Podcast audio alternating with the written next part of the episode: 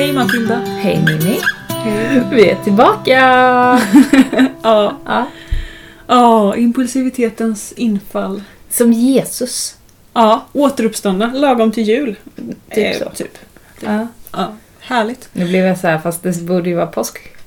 Men Ja, eh, just det. ja. Där Mm. ser du min, eh, mitt engagemang i vår kristna historia.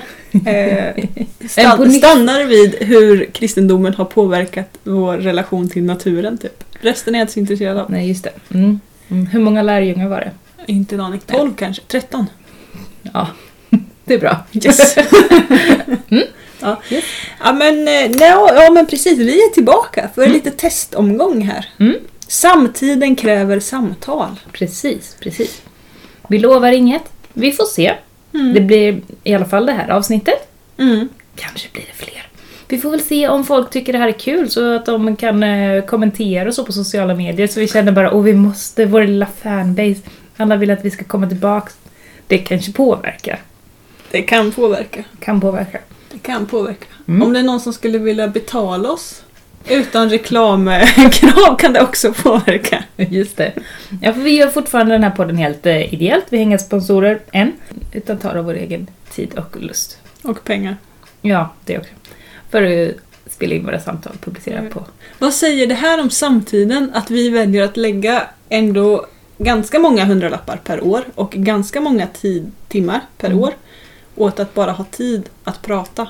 För podden började egentligen för att vi skulle ta oss tid mitt i småbarnsliv och allting Mm. att sitta och prata odling Mm. en timme typ varannan vecka. Mm. Jag tänker att det säger någonting att vi... Är vi dåliga på att prioritera? Nej, nej men jag, jag, jag tänker att det säger någonting om samtiden att vi känner att vi inte kan prioritera det om vi inte riktigt får betalt för det. Mm. Att det är mer det som säger någonting. Att jag tror att viljan, behovet av att ha samtal och eh, prata odling till exempel, bara, alltså mötas. Att det finns alltid, i alla tider. Men att vi känner att vi inte kan prioritera det för att det, det inte ger oss några ekonomiska intäkter. Då blir det inte lika viktigt. Då prioriterar vi bort det för att vi inte får pengar för det. Det säger någonting. Mm. Mm. Men jag tänker också att spela in samtalen gör ju att det blir en annan form av prestation eller lite, Mm. det blir lite annorlunda kontra om vi inte skulle spela in det och lägga ut det för tusentals människor. Ja men det är det. Det blir ett annat eh, fokus i samtalen. Lite annan anspänning. Det tar mer att spela in samtalen Mm. än att bara prata liksom i ett slutet rum. Mm. Det gör det. Och sen är frågan om det ger mer eller inte. Den, det vet inte jag. För att det ger någonting att bara samtala utan att ha den här lilla apparaten mellan oss som spelar in. Men det ger också någonting att... Det eh, ger en fanbase.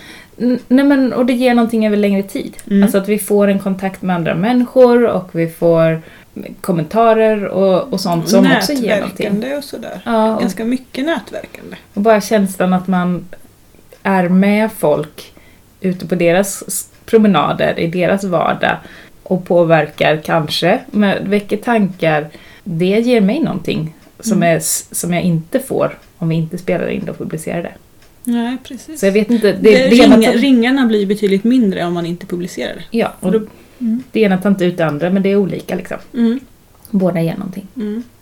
Oavsett känns det kul att vara tillbaka. Mm, det gör det.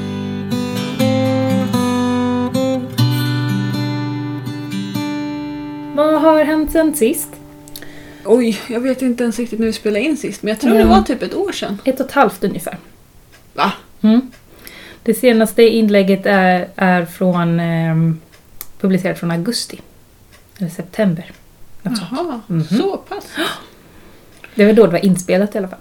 Ja, Mm. jag tror Ja, skitsamma. Jag vet inte. Jag tror nästan vi släppte det i november. Kanske. Ja, men det gjorde vi nog. Men det spelades in, i tidigare. tidigare, tidigare Ja, på säsongen. Mm. Ja, precis. Ja, för jag var, jag var tvungen att tjuvlyssna på det igår, det är därför. eh, Där vi bestämde att vi skulle Så tänkte jag, jag Vad måste lyssna på senaste. Ja, men då var det mycket, men nu kommer vi ha rutinen. Nu kommer vi kunna släppa var tredje vecka. Det här känns bra. Nu är vi Och så släppte vi ingenting mer sen. Så, Det där tycker jag, för det där är ju, det där är ju jag Ja. med rutinen. ja. Eh, som vill ha rutinen liksom. Och regelbundenheten och förutsättligheten. Jag vill gärna skriva ner så här ett halvår framöver att så här, varannan torsdag så spelar vi en podd Mm. på förmiddagen. Mm. Här, för att det, är liksom bara, det är bara skönt. Mm. Men du har odlat jättemycket frön i år, vet Ja. jag. Och nu senast i, i, alltså när jag kom hit nu så ligger det ett hav av svart plast på, inte alla odlingar, men en stor del av din odlingsyta. Mm. Det, det är så långt har jag koll. Det är mycket frön och just nu mycket Mycket plast. Precis, jag la på Instagram igår typ såhär bara Hej och välkomna till min regenerativa odling. Ett hav av svart plast. Liksom, det känns dubbelt. ja, verkligen. Eh, jättedubbelt. Var har du fått tag på all svart plast? Eh, den har jag köpt. Kan man alltså bara så här, eh, Mm. jag vill ha svart plast, vad ska du göra? Nej, det ska inte du bry dig om. Eller vad är det liksom? Hur...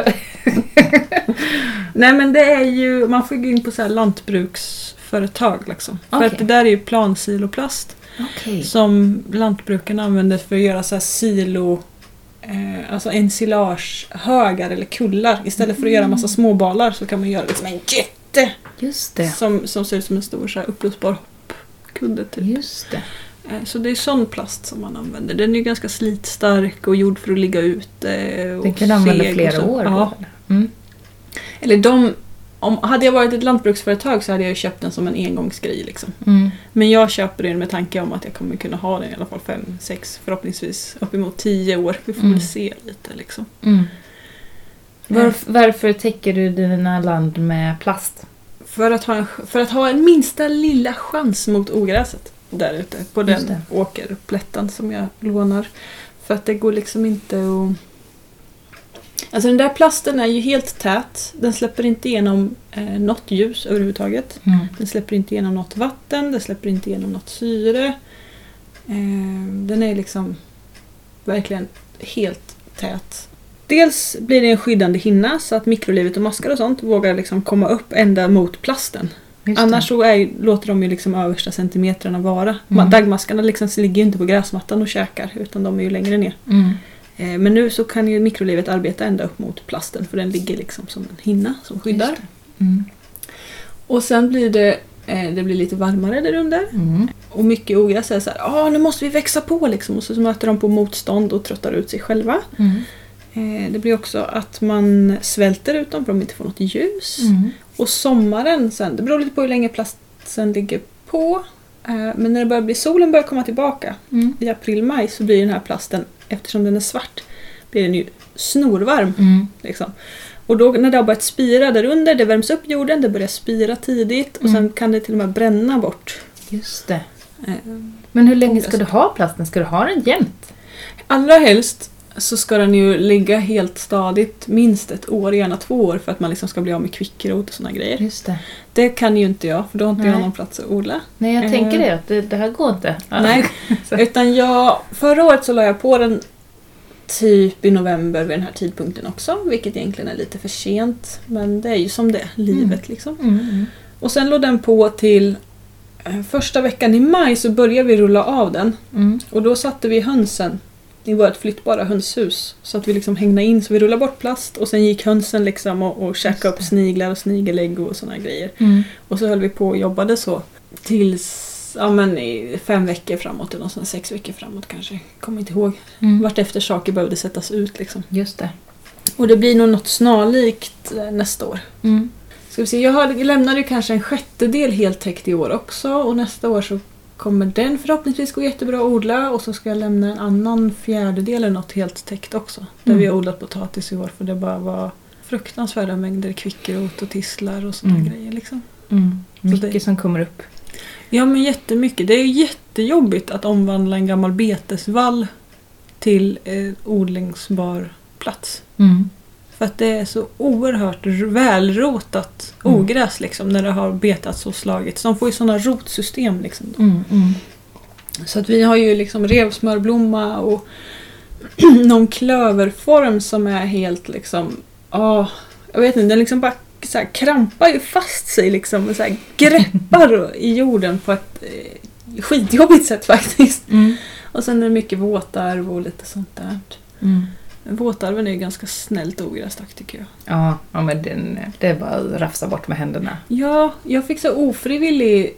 Eh, jag hade tänkt att jag skulle samodla pumpa och klöver i år. Okej. Ja. Så, eh, att ha klöven som täckgröda liksom. Mm. Men den klövern kom aldrig ut. Den stod bara i eh, ett brätte och typ dog bort. Mm. Eh, men våtarven gjorde ju jobbet istället. Ja. Och täcker. Liksom, den poppade ju upp och så bara täckte den och det var jättefuktigt och fint. Och, och så. Jag behövde typ Mm. inte vattna alls. Men det funkar ju bra när man har en växt som är lite större. Så det är svårt med små. För då Ja, kan men den ja. ju ta över. Men Oh, ja. pumpan är Och ju sen- smidig på det sättet. ja, den är lätthanterlig. Mm. Ja, sen bidrar ju inte våtarven med några extra kväve och sånt där. Liksom. Nej. Eh, Så de fyller ju inte riktigt samma funktioner men ändå funkar den ganska bra. Liksom. Mm. Ett ogräs är ju bara ett ogräs när vi säger att det är ett ogräs. Mm. Vad som är ogräs är ju så kulturellt skapat. Mm. Ja, men precis.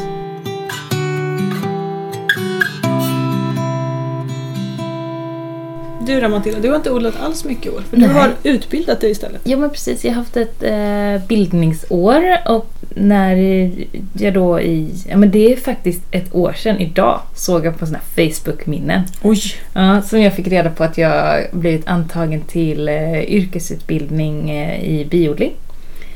Eh, och det är en kurs på Fristad folkhögskola, eh, halvtidskurs på distans som börjar i, vad är det, februari, mars någon gång och slutar nu i november så vi har en träff kvar så jag hoppas jag blir godkänd. Jag tror det. Jag klarade precis provet till att bli godkänd biodlare nu. I, fick jag besked om igår, så det var ju skönt. Det har jag pluggat nu det här året och för att kunna fokusera på utbildningen, för jag tänker att det här gör jag bara en gång. Jag pluggar bara det här en gång. Då vill jag inte ha för många andra måsten. Och jag visste också att ja, men det är val och jag har lagt jättemycket tid på valet. Eh, Då kan jag inte hålla mina odlingar vid liv, särskilt när vi, när vi har val i mitten av september. Alltså det är sådär. Hela Eh, sommaren går åt, eller sensommaren går åt liksom åt. Ja, valrörelsen är ju hela sommaren. Liksom. Det börjar ju dra ihop sig igen, alltså på riktigt i, i maj. Och sen är det bara att kötta på. Eh, så att jag, jag visste redan från början att det här kommer bli ett tufft år med mycket som kommer konkurrera om min uppmärksamhet och jag vill kunna ge den här utbildningen eh, en, en fair chance liksom. Så då, då sa jag att nej men jag odlar typ ingenting i år. Jag odlar bara det som jag absolut får infall på. Jag har inga måsten om att rensa ogräs, inga måsten om någonting, inga måsten om att vattna, ingenting. Så att jag har odlat väldigt, väldigt lite. Eh, ändå kunnat skörda en del så, men eh, ingen struktur, inga måsten, ingenting. Och jag ser väldigt mycket fram emot nästa år då jag kan börja odla på riktigt igen. Mm. För jag har saknat det, har jag gjort. Det har varit svårt att bara hålla sig borta. Ehm, Men jag tror det har varit nödvändigt för att jag ska orka göra de där sakerna som... När man pluggar så är det ju vissa uppgifter som man bara känner nej jag vill inte. Jag vill hellre gå ut och göra... Alltså, jag, jag ska. Jag, jag, sår lite till. Jag gör lite... Jag, jag krukar om det här först och sen kan jag göra den här inlämningsuppgiften. Och det har jag ju inte behövt... Alltså, Du har jag, inte kunnat göra det för du har inte haft något Nej. att kruka om. Liksom. Precis, jag har, jag har lurat mig själv i förväg istället för att Mm, lura mig själv under smart. tiden. Så, tråkigt men sant. Men vad är så i perspektiv, för du har ju ändå odlat på ett par hundra kvadratmeter innan. Mm. Och att, vad innebär att odla typ inget alls då? Mm. Då är det att jag har satt några zucchinifrön, fått lite zucchiniplantor. Eh, att jag har odlat ganska mycket blommor och satt ut. De behöver ju inte skötas mycket alls egentligen. Eh, inte rensat ogräs. Eh, skördat mycket bär. På såna, alltså jordgubbar och hallon och svarta vinbär, sånt som ändå är, är perent liksom. Har jag haft några tomater i år? Ja, jag har haft kruktomat, såna här små Typ Vilma och Ja, så. Mm. och Tiny Tim och de där vad de heter. Såna har jag haft uppe i växthuset. Eh, och lite paprika. Så jag odlat lite kruka på övervåningen i stora växthuset. Men ingenting på fri... Alltså ingenting i de andra växthusen. Inga morötter, potatis. Nej, lite potatis har jag satt ner för det ju- sätter man ner en gång och så skördar man en gång. Om inte man har släppt ut hönsen där, då skördar man inte alls. Då sätter man bara ner en gång och så fick man ingenting. så, så kan det också gå. Men inte... Inte nå, ingen lök, ingen... ingen nå, ett, fyra kolplantor tror jag jag hade. Så jag har några brysselkålstänger som står kvar nu. Så jag tänkte ta till jul. Lite sallad ibland, lite spenat ibland. Mm. Typ jag, jag rösslade ut rädisor för jag fick lite feeling. Rädisfrön. Eh, Sen gick det några veckor, de blev fina och runda och jag typ, ja, de är där. Men jag vill inte skörda nu, jag orkar inte skörda nu. Så blir det, blir det hönsmat eller så. Att det Mm. inte, man, jag har inte ens känt ett, att jag behövt ta tillvara på den skörd jag faktiskt får. Eh, och vilket ju är lite svårt eh, ibland. Men, men också att det tar ju tid att ta tillvara Mm. på saker och gå runt och fixa och känna det där. Nej men nu måste jag göra någon inläggning eller nu måste jag fixa heter det, snålröra för all eh, squash eller pumpa eller så här. Det tar nej. jättemycket tid. Ja, så att då, nej, då får det återgå till jorden där Mm. det står. Jag tycker faktiskt att skördetiden, alltså september-oktober, är ett stressigare eller Mm. pressigare än någon annan tid på året. För att ofta är det så här att om jag, hinner, om jag inte hinner sätta ut någonting eller så någonting en specifik dag så kan det vänta två, tre eller, dagar eller till och med en vecka. Mm. Det kan inte skörden alltid. Nej. Liksom. Och det, skörden kommer ju precis, eller mycket av skörden kommer precis då det var som mest intensivt med valet. Mm. Mitten Så- på september. Ja, så då, då eh, det, det var liksom ogörligt att göra allt på en gång och inte gå sönder under tiden. Så att då, då fick det vara så. Då har odlingen fått stryka på foten men jag har lärt mig så väldigt mycket mer om bin, väldigt mycket mer om insekter. Jag har gått insektskurs på Öland också. Det har varit kul. På Ölands folkhögskola. Så det, det har ju gett mig någonting som jag ändå ser som varit väldigt mycket värt med det här året. Du har arbetat fram en egen kurs. Ja, precis. Jag har en, en ny kurs på Sommarbyggnads folkhögskola. En nybörjar, nybörjarbiodling. Nybörjarkurs Biodling för nybörjare. Biodling för nybörjare. Ja, Biodling för nybörjare. Det är för, för våran kurs, Jorden och maten som den har hetat nu, den startar för fjärde gången är det va? Tredje eh, gången. Fjärde måste det vara. Eller, Eller liksom femte till och med. Fem, eller den drog igång 2020 första gången, samtidigt som pandemin kom. 2020... Vår, 2020, 21, 22. Det är fjärde, fjärde våren. Mm, just det. Fjärde våren. Ja. Fjärde våren som den drog Oh. igång. Eh, Mm. Den byter ju namn. ja. Och det är därför det, det är förvirrande för mig, för de heter nästan lika, våra kurser. Ja. Säg, vad, vad heter jorden och maten nu? Jorden och maten heter grönsaksodling för nybörjare. Och då heter min biodlarkurs nybörjarkurs i Nej. biodling. Biodling för nybörjare. Biodling för. Fan! Det är den enda biodlarkurs vi har på Sommarbyggnads folkhögskola. Så, Kan inte ta fel. nej, så det, eh, gå in på Sommarbyggnads folkhögskolas hemsida, klicka på distanskurser och där finns både vår grönsaksodlingskurs och biodlarkursen och eh, din andra kurs, Mimmi. Min Odla din plats-kurs. För alla som vill älta sin egen odling, sin egen plats. Det finns två odlingskurser, en biodlarkurs och massa andra kurser också. Ja, Men det, om man vill. Handfilosof och trädgårdsdesign och dans och musik och ja. Jag tror det är något med e-sport också. Men, så vill man men vill man träffa någon av oss, då är det någon av de två odlingskurserna eller ehm, eh, biodling. Och det kan man söka till nu. Det är, anmälan är öppen. är. Så, men så, så det är lite roligt att eh, kunna slänga upp en ny sån. Jag har ju också mina, alltså, mina vanliga nybörjarkurser i biodling. Här i, i Tranås har jag haft en under förra våren och sen så har jag en som går nu under ett år. På Studieförbundet Vuxenskolan, men det är för folk som bor här. Mm. Alltså det har hänt väldigt mycket med biodlingen för mig. Både kunskapsmässigt och eh, arbetsmässigt. Mm.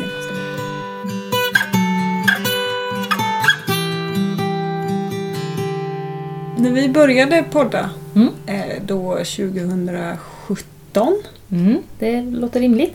tror jag det var, våren 2017. Mm. Och- Det är fem år sedan. Ja, Mm. det är det. Helt Mm. galet. Yes. Men har ju, vi har ju poddat lite till och från sedan dess. Mm. Eh, men eh, då var det väldigt mycket grönsaksodling, väldigt mycket självförsörjning pratade man ju om då. Nu Mm. har ju det, det vänt lite generellt. Så att man inte pratar lika mycket om självförsörjning som samförsörjning, tänker jag. Mhm. Men Du är i din bubbla. Jag är i min bubbla. Absolut. 100 procent. Jag orkar inte med någonting utanför den. Alla ni som känner att ni precis kommit in i en självförsörjningsbubbla. Det är inte så att ni har missat någonting. Är, man är i olika bubblor. Berätta mer om din bubbla Mimmi. Nej, jag tänkte jag skulle, jag tänkte jag skulle plocka över det till din. Att du har gått från att vara mer grönsaksfokuserad Mm. och sen har det verkligen så svängt till mer och mer bin. Mm. Ja, Att odlingen har liksom så på något sätt hoppat ner eh, ett snäpp eller Ja. tre eller något för att det har kommit mycket annat. Ja men så är det verkligen. Och Eh, Det känns lite som om din textila sida, för du är ju konsthantverkare, mm. att den också, det är så här konsthantverk, bin som liksom ligger så här pendlar på första plats och sen Mm. kommer odlingen där eh, på tredje plats. Mm.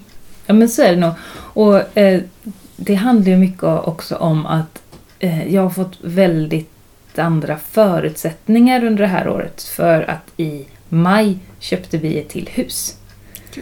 Vi köpte grannens hus. Lite spontant sådär. Spontant köpte ett hus. Ja, men de, de hörde av sig på torsdag kväll i ett sms och bara men du, vi, vi har funderat lite och det kan komma folk nu för det är bara, det är bara våra två hus. Som, det, vi har bara dem som grannar. Så de att, nej men det kan komma folk som ni inte känner igen som kommer och titta på huset för vi ska lägga ut det till försäljning. Vi har tänkt att vi ska flytta in till stan nu. De har haft lägenhet i stan i tio år eh, så de har bara bott där på somrarna ändå. Men då svarade vi ganska direkt att vi köper, vi, vi kan köpa nu. Kan, eh, går det bra?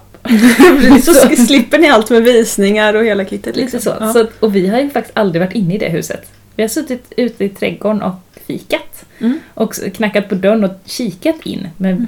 vi har ingen koll på hur huset ser ut inuti. Bara att det bott ett, ett äldre par där. De hade lite privatvisning för oss under helgen. Och sen på måndagen skrev vi på kontrakt. Eh, Så det gick inte ens ut på öppna marknaden. Eh, Och vi fick lägga på några extra pengar där för att det skulle bli så. Men jag tror att hade det kommit ut på marknaden hade det ökat ännu mer. Mm. Så att då blev det ju eh, lite annat.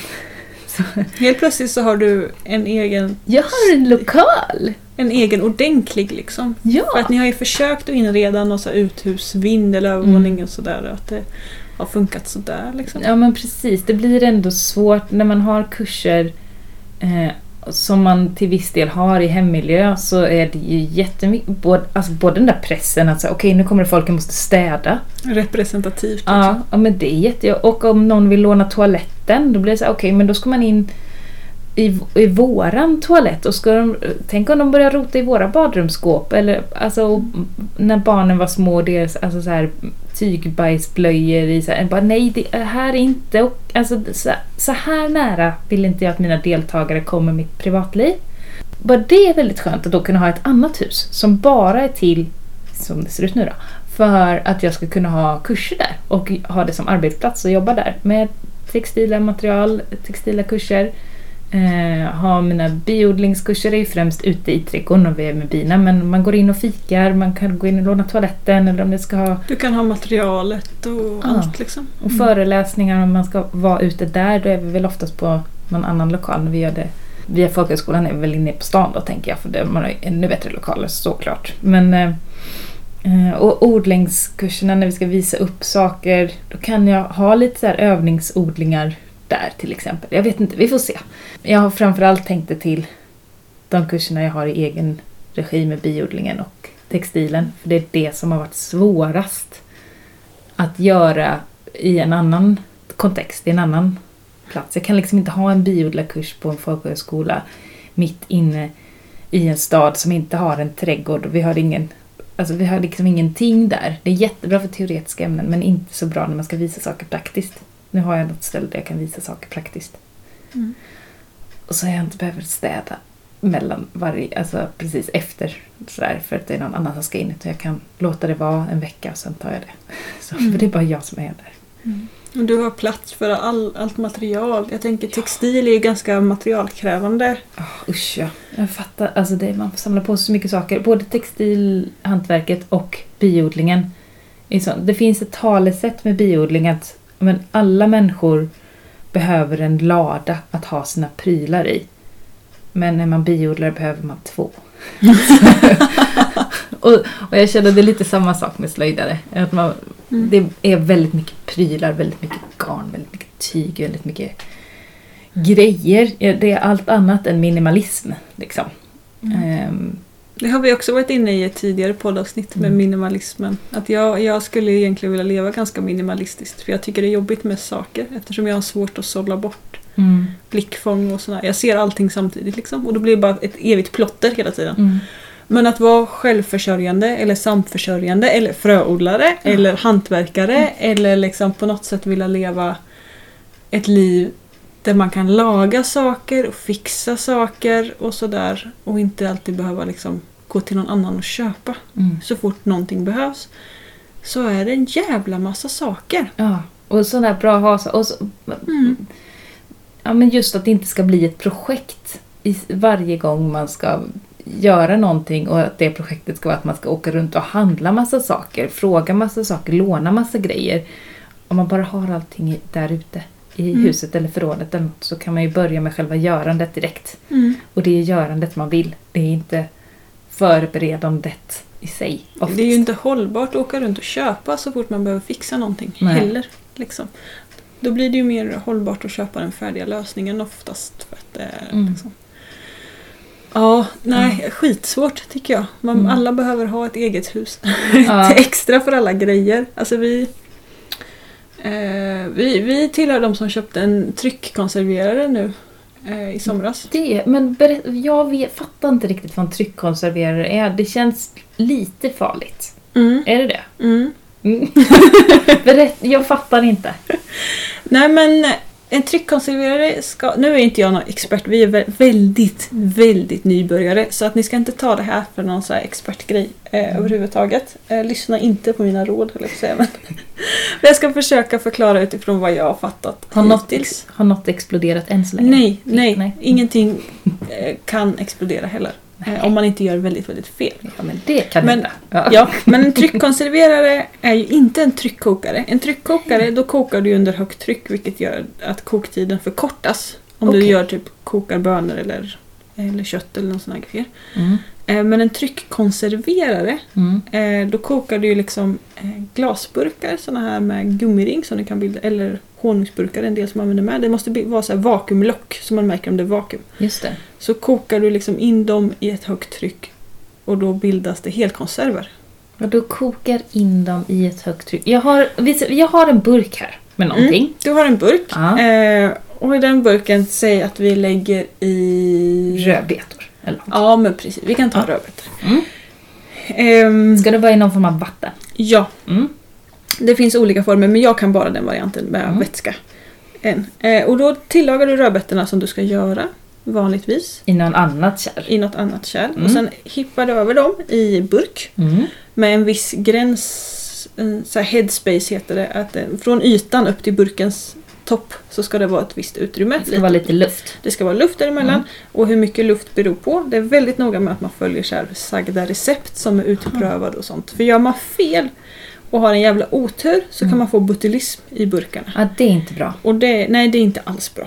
Ehm, det är en slags förgiftning. ja, Mm. precis. Det är ju en bakterie som bildar sporer som bildar ett skit, skit, skit, skitgiftigt gift. Mm. Nervgift. Eh, det krävs ju typ så här en shot eller en äggkopp för att typ slå ut hela Sveriges befolkning. Med Mm. rent botulism. Det ska vi inte tillverka. Nej. Det ska vi absolut inte göra.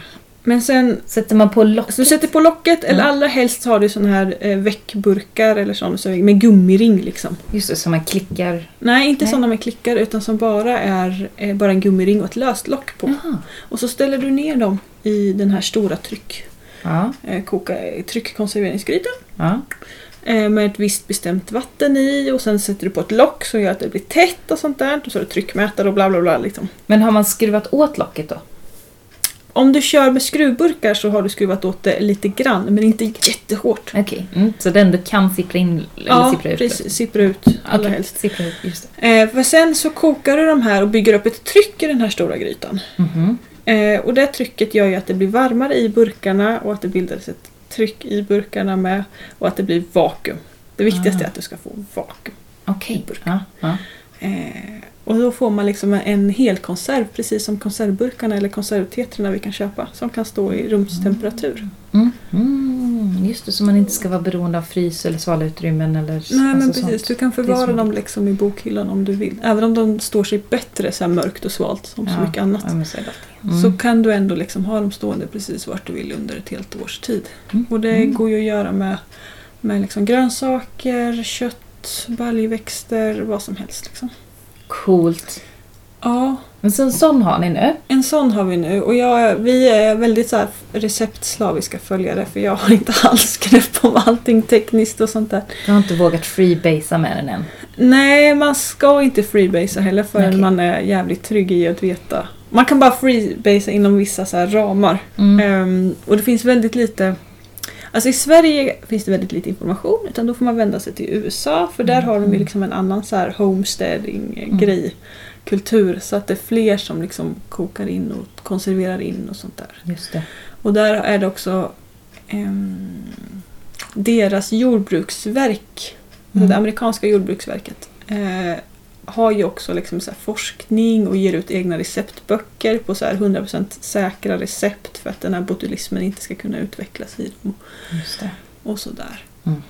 Det är en hel jävla vetenskap med pH och du vet så här, höjd över havet och Oj. ja, Spelar höjd över havet roll alltså? ja beroende på vilket tryck du ska så här, eh, Mm. koka in eller konservera i. Alltså koka in. Ja, Mm. ja men det är så här, ja det är en jävla djungel. Så, Mm. eh, Jag skriver inte upp en sån på önskelistan till jul. Nej. Nej, gör inte det. Det. Det är också så här, ta med sig, vi var inne med grejer liksom. Mm. Grejer, det går så jävla mycket grejer. Mm. Och det är så här, då var vi tvungna att köpa burkar. Ja, just det. Liksom. Mm. Ehm, så att vi har lådvis med burkar eh, som tar plats. Är det de ju speciella ifrån- burkar då liksom? Ja men det är såna här med gummi, det. gummipackningsburkar. Vi Mm. har ju honungsburksvarianten också. Eller såna Mm. med skruvlock och vakuumlock. Mm. Sådana där som är, liksom, ploppar upp och ner beroende Ja. på om vakuum eller inte. Men de säger typ så att man ska helst inte använda sådana förrän man har liksom ett tryck i Mm. att hur man använder konservering och sånt. För Mm. det är mycket svårare att se om det är vakuum i dem eller inte. Ja, just det. De här andra glasburkarna som inte har, det är liksom bara en glasburk, en gummiring och ett löst lock som du Mm. inte spänner fast alls. Just det, det, det sugs fast. Det sugs fast, Mm. så där kan du lyfta burken i locket Mm. när det är vakuum. Just det. Det Ja. går inte annars. Nej. Ja, det går inte alls. Det blir dumt. ja. eh, och, så här, och det är bara så här, ah, det är bara mycket grejer överallt liksom. Mm. Det bara fylls på. Mm. Fast man inte vill, fast man ändå vill. För att om man på något sätt ska kunna ja, men ta tillvara på allting man odlar liksom. Mm. Jag som inte bara odlar för att äta under sommaren utan jag odlar nästan mer för att kunna äta under vintern har jag insett. För Mm. Vi är ganska dåliga på att skörda till maten under sommarhalvåret. Men vi har en jävla massa potatis och sånt. Det är bra. till exempel. Det är jättebra. Kål och sådär. Det blir jag avundsjuk på nu när jag inte har odlat något i år.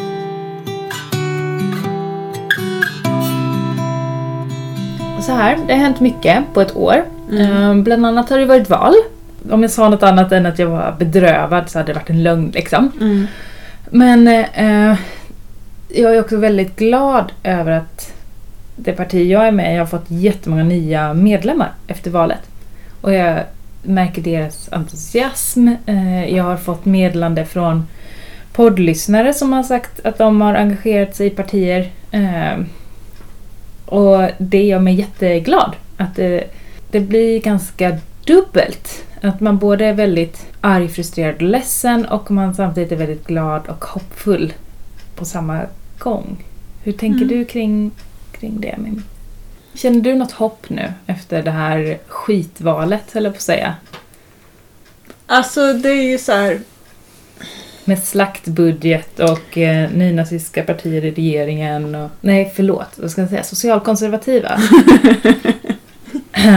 Ja. Ja. Eh, nej, jag, vet- alltså, jag vet inte. Jag har ju varit så här, haft lite problem med hoppkänslan ganska länge liksom. Är det hopplöst? Nej, eller jo. Det är, jag tror faktiskt på något På ett plan så tror jag verkligen att det är hopplöst. Vi har Mm. liksom inte en jävla chans Mm. eh, överhuvudtaget. För att, nej, det finns liksom inte. Mm. Samtidigt som att, att hopp är ju ingenting man känner utan det är ju någonting man gör. Liksom. Mm. Och eftersom jag uppenbarligen inte lägger mig ner och dör Mm. eh, utan försöker ändå jobba mot något bättre så finns det ju ändå hopp. Mm. Hopp i handling men inte i, eh, I själen kanske. i själen eller i, i typ logiken. Eller vad man ska säga. Mm. Logiskt sett så fattar jag att vi har inte en jävla chans. Mm. För det är liksom... Vi hade behövt ändra oss för en, en, en generation sedan. Mm. Och, och man hör ofta, ganska ofta, det här argumentet om att Nej, men dagens unga är så smarta så jag tror de löser det här. Nej, Vet du? Alltså, Okej, okay, Okej, förlåt nu ska jag dra ner dig mer i skiten. Men jag har ju varit på gymnasiet nu eh, under, i samband med valet. Både nu under hösten och på våren. Och träffat eh, gymnasieungdomar. Det är en, en jag har träffat en väldigt liten klick av Sveriges gymnasieungdomar. Utifrån den dömer jag alla nu. Ehm, Jag tänker att de här skolvalen som ägde rum innan valet Mm. kanske också ger en representativ bild något sånär. Och Mm. den var ju inte jätteupplyftande. Nej, nej. nej men det, jag hamnade, de lottar bo, var man står när Mm. man står på gymnasiet för att det ska vara rättvist så. Jag hamnade, eh, och jag represent- representerar Miljöpartiet. Jag hamnade mitt emellan Moderaterna och Sverigedemokraterna. Eh, det som var bra då var ju att jag fick väldigt mycket folk runt omkring mig för att alla ungdomar dras dit. Mm. Så gott som alla. Det är så kortsiktigt och det är en så stor bredd av ungdomar som jag ser dras dit, åt det konservativa. Det är inte bara alltså de där med, som när vi var unga, de där med rakat huvud och stålkängor, de ser inte ut så längre, men det, det är inte den typen av killar bara. Just och det är inte de med så här eh, rosa skjortor och, och liksom dressmanbyxor Nej, som nej. det också var på våran tid. Ja. Liksom. Nej men det är inte bara dem, det är, det, det är tjejer också, det är invandrare, det är alla dras dit. Och eh, det gör mig bedrövad. Ibland får man ju de här argumenten, ja men att ungdomen är vår framtid, vi får lita på dem, tänk Greta-generationen. Eh, Det har ju blivit en total backlash då. Ja, men de, de fanns när vi var där. Alltså så. Vi var den generationen. Så, vi är i 30-årsåldern nu liksom. Mm. Men eh, de som är ungdomar idag har, är- är en, eh, en väldigt konservativ våg. Så vi, jag, jag skulle inte sätta mitt hopp till att de kommer lösa det här. Det är vi som måste lösa det här. Samtidigt så finns det ju en liten, liten klick. För jag satt i möte eh, på lovet nu Mm? med ungdomar som är heltidsaktivister inom typ XR och liksom egna organiseringar och sådana här saker Mm. som gör det verkligen på heltid. Men det finns det alltid. Men finns det är ju klickar. fortfarande, och det säger de också, att det är så jävla... Det som frestar dem mest, bortsett från den här liksom känslan, den här sorgeprocessen som det är att inse att man går mot sin egen utrotning. För det är ju en Mm. oerhörd liksom, sorg och liksom, traumakunskap på något sätt, Mm. att, att inse det. Liksom. Mm. Så är det ju att de är så fruktansvärt ensamma. Mm. Liksom. De utgör bara någon, någon liten ynka procent. Mm. Ja men så är det och, och jag kan känna att man hamnar i ett på ett sätt självvalt utanförskap när man fortsätter kämpa.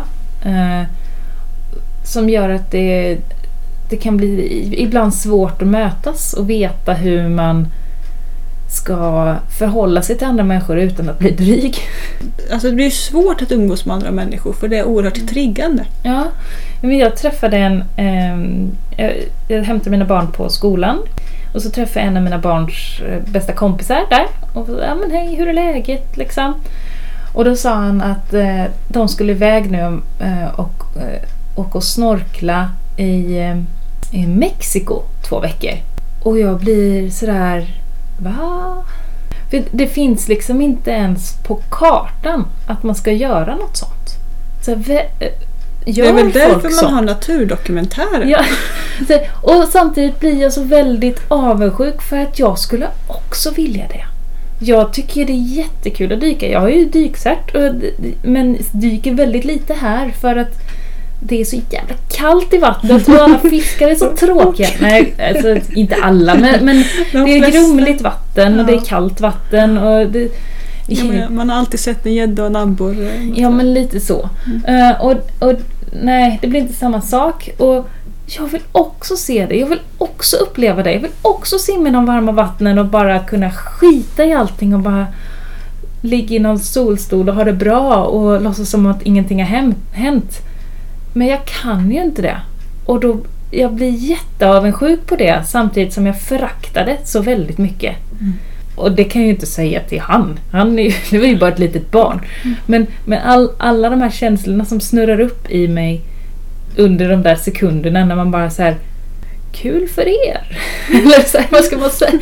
Men samtidigt så är jag, jag kommer inte kunna säga något mer nu. Det blir så jätte, jättesvårt att på riktigt glädjas åt någonting som är så dumt. Mm. Det är en, en oerhörd dubbelhet. Mm. Ja men den där dubbelheten, jag tänker att man liksom upplever den i olika grader hela tiden. Mm. Varje dag. Att Mm. man liksom... Man står med fötterna i två olika världar liksom. Mm. Och det är skitsvårt jämt. Men vissa saker drar ju igång, liksom, vissa saker är stora och drar igång stora känslor verkligen. Som en sån där grej liksom. Mm. Men jag kan uppleva att det är samma sak man typ handlar lördagsgodis med barnen. Mhm. Ja, men att saker som just specifikt lördagsgodis, inte sötsaker generellt, för jag tror att det är en oerhört viktig sak med sötsaker. Mm. För firande och fest Mm. och att liksom förgylla tillvaron. Eh, Det är en typisk sak som man allra helst ska preppa för. Att man Mm. har någonting sött och gott och sånt där. För man kan ju också drabbas av, av svårigheter att äta liksom, om det blir, maten blir för tråkig. Liksom. Mm. Så väljer man hellre att svälta än att äta Mm. till slut. Och då måste man ju ofta kicka igång det med sötsaker till exempel Just det. matlusten igen. Liksom. Men, eh, nej, men jag tänker att, eh, att vi har hela butiker fyllda av bara godis är ju ett tecken på någon form av extremt överflöd. För Mm. det är ju någonting som inte genererar någonting positivt alls. Annat än en liten stunds liksom, lycka eller sådär medan vi äter det. För det, är så här, det ger ingen näring till oss som är bra. Det ger Mm. ingen positiv energi, det ger ingen positivt klimatavtryck, det är inga bra arbetsvillkor, det är inga bra... Det är liksom, Mm. det finns ingenting bra förutom den här liksom, vad det liksom när vi känner den goda smaken eller vad vi upplever när vi äter det. Liksom. Mm. Smakkicken liksom. Ja, Mm. om man jämför med en sockerkaka som, då har ju ändå, tänker jag, vetemjölet kanske några positiva näringsämnen Mm. i sig. Mm. Till exempel. Och äter du liksom en bärpaj så har havregrynen eller Mm. bären, det innehåller ju ändå Mm. någonting som är vettigt. Mm. Även om det är förpackat i socker och sirap så Mm. är det liksom, finns det någonting där. Och då kan jag också så här, men uppleva både det här att det liksom lyckan i, i att få äta godis. Vi är ganska restriktiva med godis. Eller jämförelsevis väldigt restriktiva med godis. Mm. eh, Med en extremt begränsad mängd. Eh, Men nu till lovet eh, så mutade vi barnen för att vi skulle få kratta ihop löven till Mm. lövkomposterna. Så var det så här, för varje kubik löv som barnen krattade ihop fick de ett kilo godis. Ooh. Och det är ju så här, de bara Ett kilo!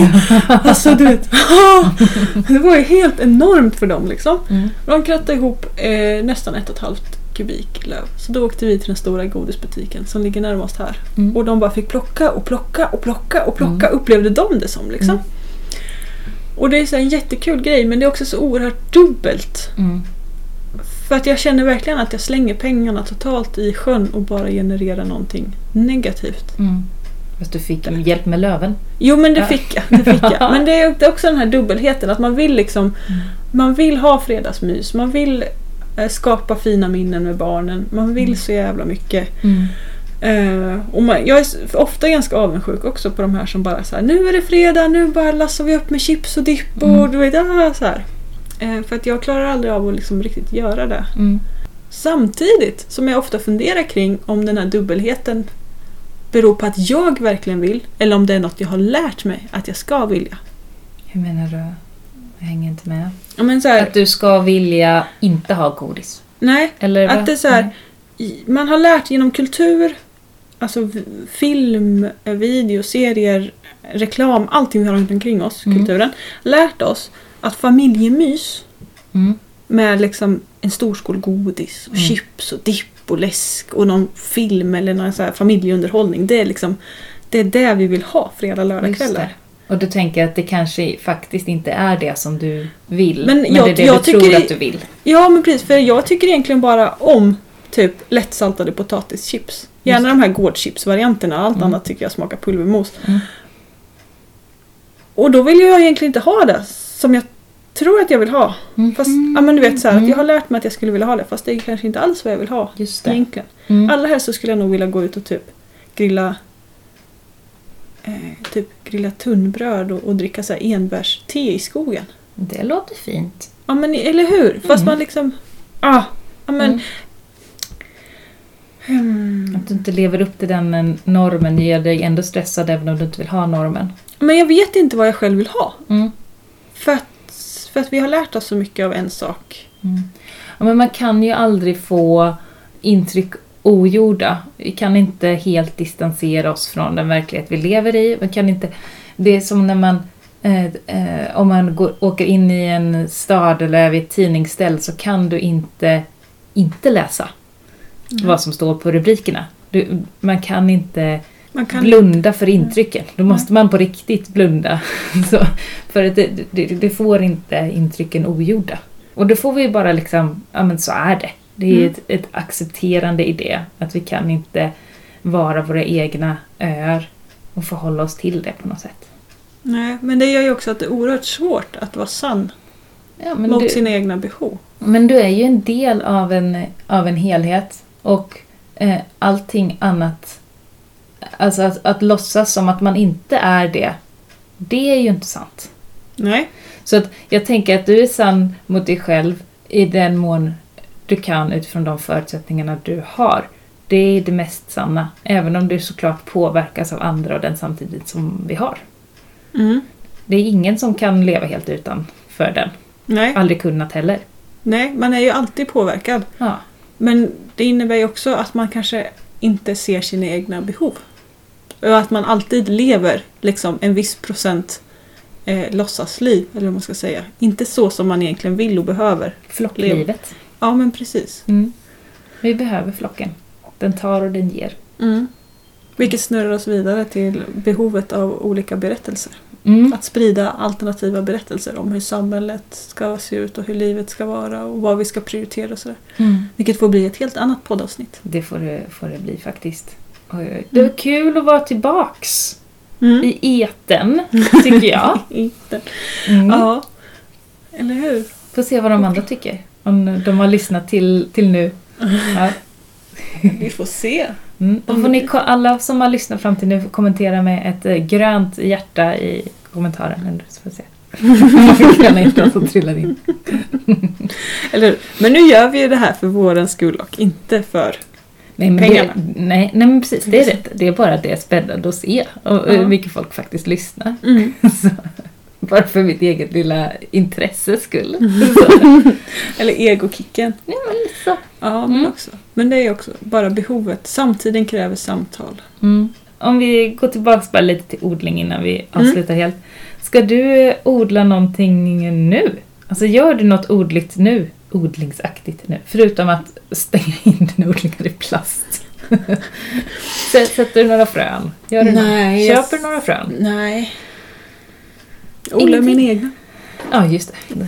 Alla egna Nej, jag inte. odlar inte alla. Långt ifrån alla. Jag Mm. odlar sju olika sorters frö i år bara. Det är bra. Ja, det är bra men... Eller... Och för eget bruk är det lite mer. Då kanske det är 15 sorter eller något. Mm. Men... Nej, det jag ska göra nu Mm. eh, i eftermiddag i alla fall för jag ska eh, sitta och prata mer med människor fram till lunchen. Det är att jag ska flytta in grönkål och purjolök och sånt där i ena växthuset så att de ska stå skyddade mot rådjur och så. Alltså Plantor, levande plantor. Mm. Precis, plantor som är utsatta nu i, i sommaren. Som är liksom, de är fullvuxna, färdigvuxna och sådär. Utan de ska ju bara stå där så och inte bli ätna av Just rådjur. det. Just det. Ehm, och att eh, grönkålen är ju som godast när den skjuter nya skott. Mm. När solen kommer åter där kring mitten på februari. Det blir bra om du kan lyckas hålla den skyddad till dess och inte äta upp den själv. Ja, men om man Ja. bara så här, man får ju bara plocka blad för blad för blad och så lämnar du alltid de översta fem sex bladen och så börjar de skjuta nya liksom därifrån sen. Det fint. Det blir asgött. Det är väl typ det jag ska göra och sen har jag fortfarande grejer kvar att skörda. Rotselleri och kålrot mest. Jordärtskocka och lite sådana här grejer. Så att jag... Nej, jag sår ingenting nu. Jag har lite vintersallad som jag har sått som jag ska sätta ut i växthuset också. Mm. Men... eh, Nej. Ingenting annat. Nej. Däremot så, så gror saker. Saker som inte ska gro nu. Alltså jag slängde ner... Vitlök och sånt? Eller? Ja, den har jag inte satt ner än. För jag har jag, satt ner min, men jag börjar vara lite orolig för att jag kanske inte väntade tillräckligt länge. Jag satte Nej. ner förra veckan eller något ja, sånt. vi får se. Jag har inte vågat sätta ner min än. Mm. Men däremot så, så lite slängde ner så här stockrosfrön i en kruka liksom. Mm. Till nästa år. De gror. Va? Oj, det är Mm. inte bra. Och vi har, jag ställde in en, jag köpte mullbär. Ja. Mullbärsträd eh, som visade sig vara en, de skickade fel så det var en mullbärsbuske istället. Mm. Eh, så den står ju lite skyddad, den är inte riktigt härdig här. Nej. Så den står lite skyddad i ett växthus som förvisso står öppet dygnet runt men det är ändå lite skydd. Mm. Ingen vind. Nej, och den eh, spirar ju. Mm. Oj, Inte alls bra. nej det är inte alls bra. Så att, eh, och saker som inte ska växa, växer. Eh, men jag odlar inget med mening nu. Nej, Du då? Jag har tagit frön från mina såna minitomater, de där mm, mm, dvärg... Eller pytte. De som Mm, kruk. kruktomaterna. Mm. Mm. De har jag tagit frön på som ligger och torkar. Och sen så har jag tänkt att jag ska sätta lite kryddor i min lilla kryddtrapp. Eller jag säga, min lilla odlingsvägg i köket. Just det. Den är inte hydroponisk men det är Nej. krukor och LED-belysning. Ja, precis. För det är som en...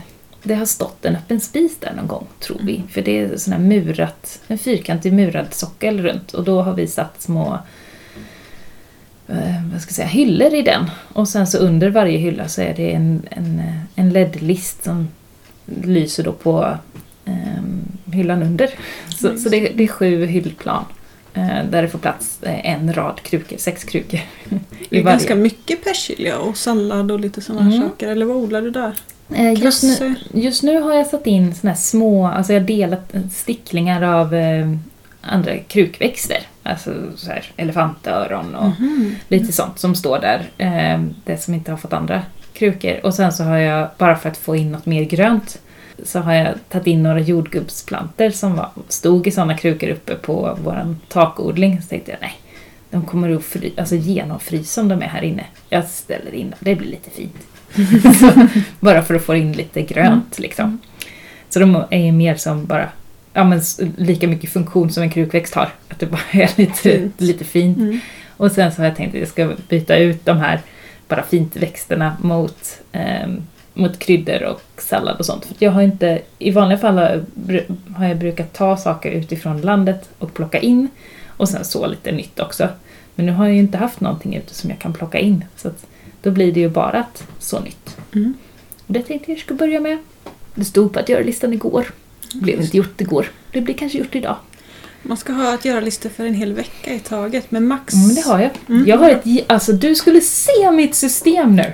Ja, det Oh, kanske vi kan prata om någon annan gång. det får vi göra. Det får vi göra. Mm. Och nu blir jag så här, ja men du ska se mitt system.